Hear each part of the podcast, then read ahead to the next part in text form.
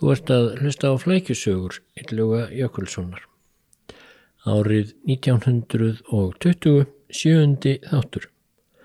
Sakko og Vansetti, morðingjar eða fórnarlömp. Ég held ég ráfram að rifja upp atbyrði fyrir hundrað og einu ári og nú segir að frægum morðmáli sem vakti gríðarlega aðtikli í bandaríkjunum og víðar og varð þungamiðja í miklum pólitískum deilum og Haldur Lagsnes var meðal þeirra sem mótmæltu örlögum tvekja ítalskra stjórnleysingja.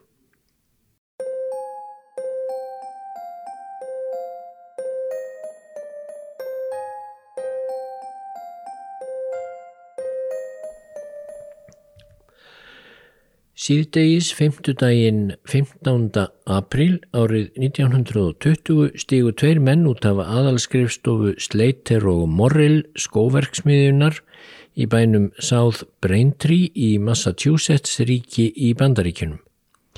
Bærin var árið 1920 laungu orðin útkverfi stórborgarinnar Boston í Massachusetts ríki. Menninir tveir heldu kvorum sig á allstórum stálkassa og þeir lögðu á stað austur Perlustræti í áttað verksmiðjunni sem var í um 200 metra fjarlag frá skrifstofuhúsnaðinu.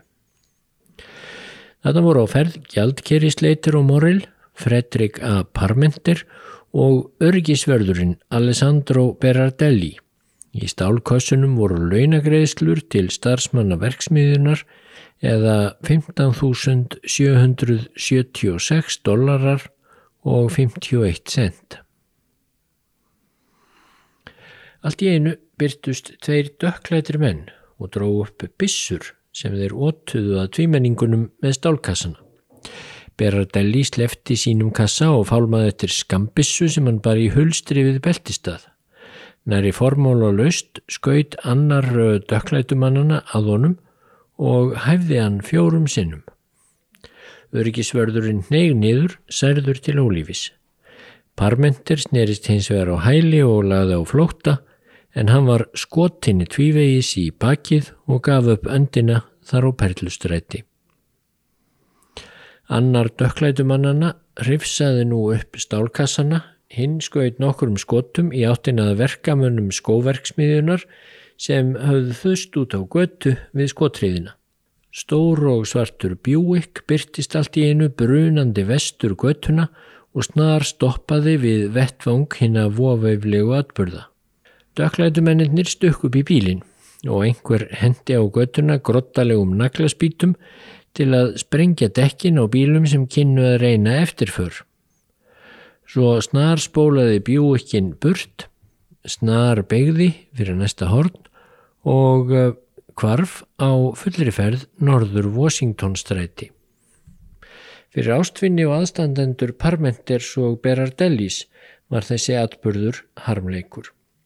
En um leið var að hefjast þarna mikið drama sem átt eftir að endast tæpan áratug og ég vil lengur og margir kannast við en þann dag í dag. Nú kom til skjálana Michael nokkur Smith. Smith var lauruglustjóri í nágrannabænum Bridgewater sem er 25 km í söður frá South Braintree. Í desember 1919 höfðu vopnaður menn gert til raun til að stela launagreðslum verkamanna úr skóverksmiðju þar. Svo til raun fór út um þúfur en um, Smith sem settur var yfir rannsóknina og morðunum í Braintree álektaði nú að sömu menn hefðu verið á ferð á báðum stöðum. Lýsingar á morðinginum í Braintree voru vissulega af skortnum skamti, en sjónarvottar fullirtu hins vegar að ránsmennirnir í Bridgewater hefðu verið ítalskrar ættar, því fór Smith að skiknast um eftir grunnsamlegum ítölum og það var reyndar engin hörgull á þeim. Bara á tímabilinu 1910 til 14 höfðu þrjár miljónir ítala flust til bandaríkjana í leitað betra lífi. Lang flestir voru bláfáttækir og eh, tóku að sér verstlaunuðu störfin. Þeir sem fyrir voru litu flestir niður á ítalina og margir ítalana brugðust við misrétti fyrirlitningu og emdarkjörum með því að leggja út á glæpabröðina. Fyrr á árinu 1920 hófst vínbannið í bandaríkjunum. Það hafði ekki síst þær afliðingar að koma fótunum undir hinn ítölsku glæpasamtök mafíuna. En meðal ítalana voru líka margir róttæklingar, kommunistar og ekki síður stjórnleysingjar. Þeir vildu bylta samfélaginu og gefa upp á nýtt í stað þess að sætta sig við það skipulag sem færði þeim og löndum þeirra það hlutskipti að vera nánast líkt og þrælar í Guðsegin landi. Mikill ótti við þessa byltingarmenn hafði gripið um sig í bandarísku valdastjéttunum eftir rúsnesku byltinguna og valdarán Bolsjevika 1917 og óttin var sístýri ennun í upphafi árs 1920. Ljóstótti að af tíðindum frá Rúslandi að kommunistastjórn Lenins væri að bera þar sigur úr bítum í borgarastriðinu og í valdastofnunum í bandaríkjunum óttuðust menn að heið sama kynni að gerast hjá þeim. Nú var það vissulega svo að meðal ítölsku róttæklingana voru menn sem híkuð ekki við að bóða og beita ofbeldi til stöðningsinni vendanlegu byltingu. Luigi Galliani, hétt maður sem hafi lengi bóðað launumorð og sprengjuherrferðir gegn ráðamönnum hverskonar. Hann mætti til bandaríkjana 1901 og breytti þar út kenningar sínar og kringum hann var til hópur sem stóð fyrir mörgum tilræðum. Galliani þótti afar sannfærandi áróðursmaður og einn fylgismanna hann sagði eftir að hafa hyrt Galliani flytja ræðu þá varstu tilbúin til þess að skjóta á fyrsta lög, lögreglu þjónin. Eftir að hafa hyrt Galliani flytja ræðu þá varstu tilbúin að skjóta fyrsta lauruglþjónin sem þú rækst á. Flest tilræði Galliani hópsins fór út um þúfur, en ekki þó öll. Í november 1917 draf sprengja til dæmis nýju lauruglumenn og eina starfstúlku á lauruglustöð í borginni Milwaukee í Wisconsin. Sprengjan var næri öruglega smíðuð af Mario Buta, laghendum verkamanni og stöðningsmanni Gallianis. Þegar Michael Smith fór að rannsæka morðin á Parmenter og Berardelli komst hann að því að Búta hafði nýlega ekki aðeins unnið í skóverksmiðun í Braintree heldur líka í verksmiðun í Bridgewater þar sem Smith var sannfærður um að sömu menn hefðu verið að verki. Hann var nú vissum að stjórnlýsingi hópur sem Búta tilherði hefði framið ránið í Braintree og myrt tvímenningana til að komast yfir fétil sprengjuárosa. Smitt hugðist nú handtaka búta en búta kom stundan. Hins vegar greipum menn Smits tvo félaga búta þann 5. mæ þá Nikola Sakko og Bartolomeo Vanzetti. Báður reyndist vera vopnaðir skambissum og bissan sem Vanzetti hafði undir höndum var sömugerðar og bissa Berardellis, öryggisvarðar, en hana hafði morðingin greipið með sér þegar Berardelli fjell. Báðir þrættu fyrir að tilhera hópi stjórnleysingja. En það reyndist rangt því þeir höfðu árum saman starfaði í slíkum kreðsum. Við handtökunna reyndist Sakko vera með á sér miða þar sem kynntur var á ítölsku vendanlegur stjórnleysingjafundur á þennan hátt. Félagar verkamenn, þið hafið háða öll stríðin, þið hafið púlað fyrir kapitalistana, þið hafið reikað um löndin, hafið þið uppskorið ávexti strítsikkar, verðurlaun sigra ekkar. Er þið liðna ykkur hugunaríkt, brosir nútíðin við ykkur, lofar framtíðin ykkur einhverju.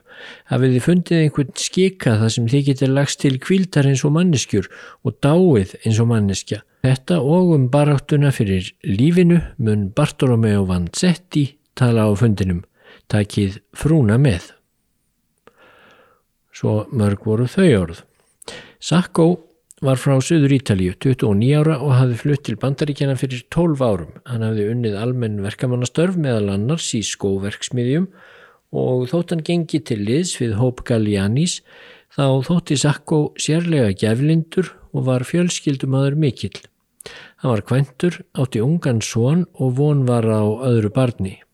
Setti var frá Norður Ítalju, rúmlega þrítugur og ívið meiri æsingamadur og heitfengari en Sakko.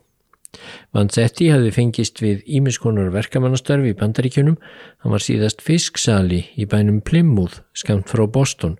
Þeir tvíminningar höfðu báðir verið viðlóðandi stjórnklýsingjasellu Gallianis í nokkur ár en mundu þó ekki eftir að hafa hist fyrir en árið 1917. Aldrei komst á hreint hvort þeir Sakko og Vansetti hefðu persónulega verið viðriðinni sprengjárósir eða tilræði. Báðir stökku hins vegar til Mexiko sumarið 1917 þegar bandaríkjumenn hófuð þáttöku í heimstyrjöldinni af því þeir voru andvígir heimstyrjöldinni af hugmyndafræðilegum ástæðum og vildi ekki vera kvattir í herin. Þeir sneru þó báður aftur um haustið og bæði Sakko og Vansetti þvert tóku fyrir að hafa átt nokkra aðild að ránumorðunum í South Braintree. Smith var hins vegar frá byrjun sannfærður um að hann hefði nú gómað morðingjana og þegar koru umtókst að sína fram á afgerandi fjárvistarsönnun þá voru þeir dregnir fyrir dóm. Og nú hófust einhver alræmdustu réttarhöld sem umgetur í bandarískri sögu. Þau voru frá upphafi rampolítísk og dómarinn í málinu var ekki aðeins kunnur að ofstækisfullri andstöðu við róttæk sjónarmið yfir leitt, heldur einnig útlendinga andúð og andúð á ítölum alveg sérstaklega. Og Smith, lauruglstjóri, hann stutti þau við þorf digilega. Réttarhöldin urðu laung og flókin og vöktu mikla aðtikli en það rísu vinstrimenn á vesturlöndum í Evrópu og víðar upp til Varnar Sakko og Vansetti þegar í ljós kom að dómsmorð var í uppsiklingu. Það skal tekið fram að þeir eru til sem enn trúa því að stjórnleysingjarnir tveir hafi verið sekir um morðin. Aðri telja að Sakko hafi líkast til verið sekur en Vansetti sennileg ekki. Flestir telja þó að engin leið sé að segja til um sekt og líklega sé raunar en hitt að þeir hafi hverki komið nærri. Raunar kom fram annar maður, bófi í glæpaflokki þarum slóðir á þeim tíma og hann játaði á sig morðin en dómarinn taldi framburð hans tilbúning sem breytti engu. Svo fór að Sakko og Vansetti voru dæmdir sekir og aðfara nótt 23. ágúst 1927 voru þeir leittir í ramastól og teknir af lífi þrátt fyrir mikil mótmæli. Báðir sóru þeir sakku og vansetti fram í andlátið að vera saklausir og mótmæli gegn aftökunni fóru fram víða. Ungur íslensku rittufundur, Haldur Kiljan Lagsnes, fyltist eh, því líkri andúð á framgangsmátanum við réttarhöldinni við stjórnleysingjunum að málið átti talsverðan þátt í að Haldur gerðist pólitískur róttæklingur næstu áratugina. Á hinbóin þá varð aðtiklisú sem bendist nú að róttækum samtökum vinstri manna vegna málsins, samtökum sem sum hver heikuð ekki við að beita ofbeldi. Aðtiklin varð til þess að stappa stálinu í bandaríska hægrimenn sem trúðu því statt og stöðugt að eh, þeim og lífsmáta þeirra stafaði veruleg hætta af vinstri politík og vinstri mönnum. Hvað sem því líður, sekt þeirra Sakkos og Vansettis, þá er ljóst að af politískum ástæðum nötu þeir engan veginn réttlættis nýja sangirni í málinu.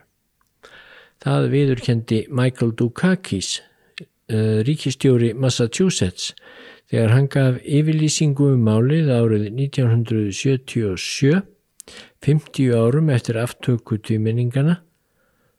Dukakis tók ekki afstöðu til sektar þeirra en sagði ljóst að réttarhöld og dómur yfir þeim hefði verið óréttlátt og þá skömm berað þvó af nöfnum þeirra Sakkos og Vansettís.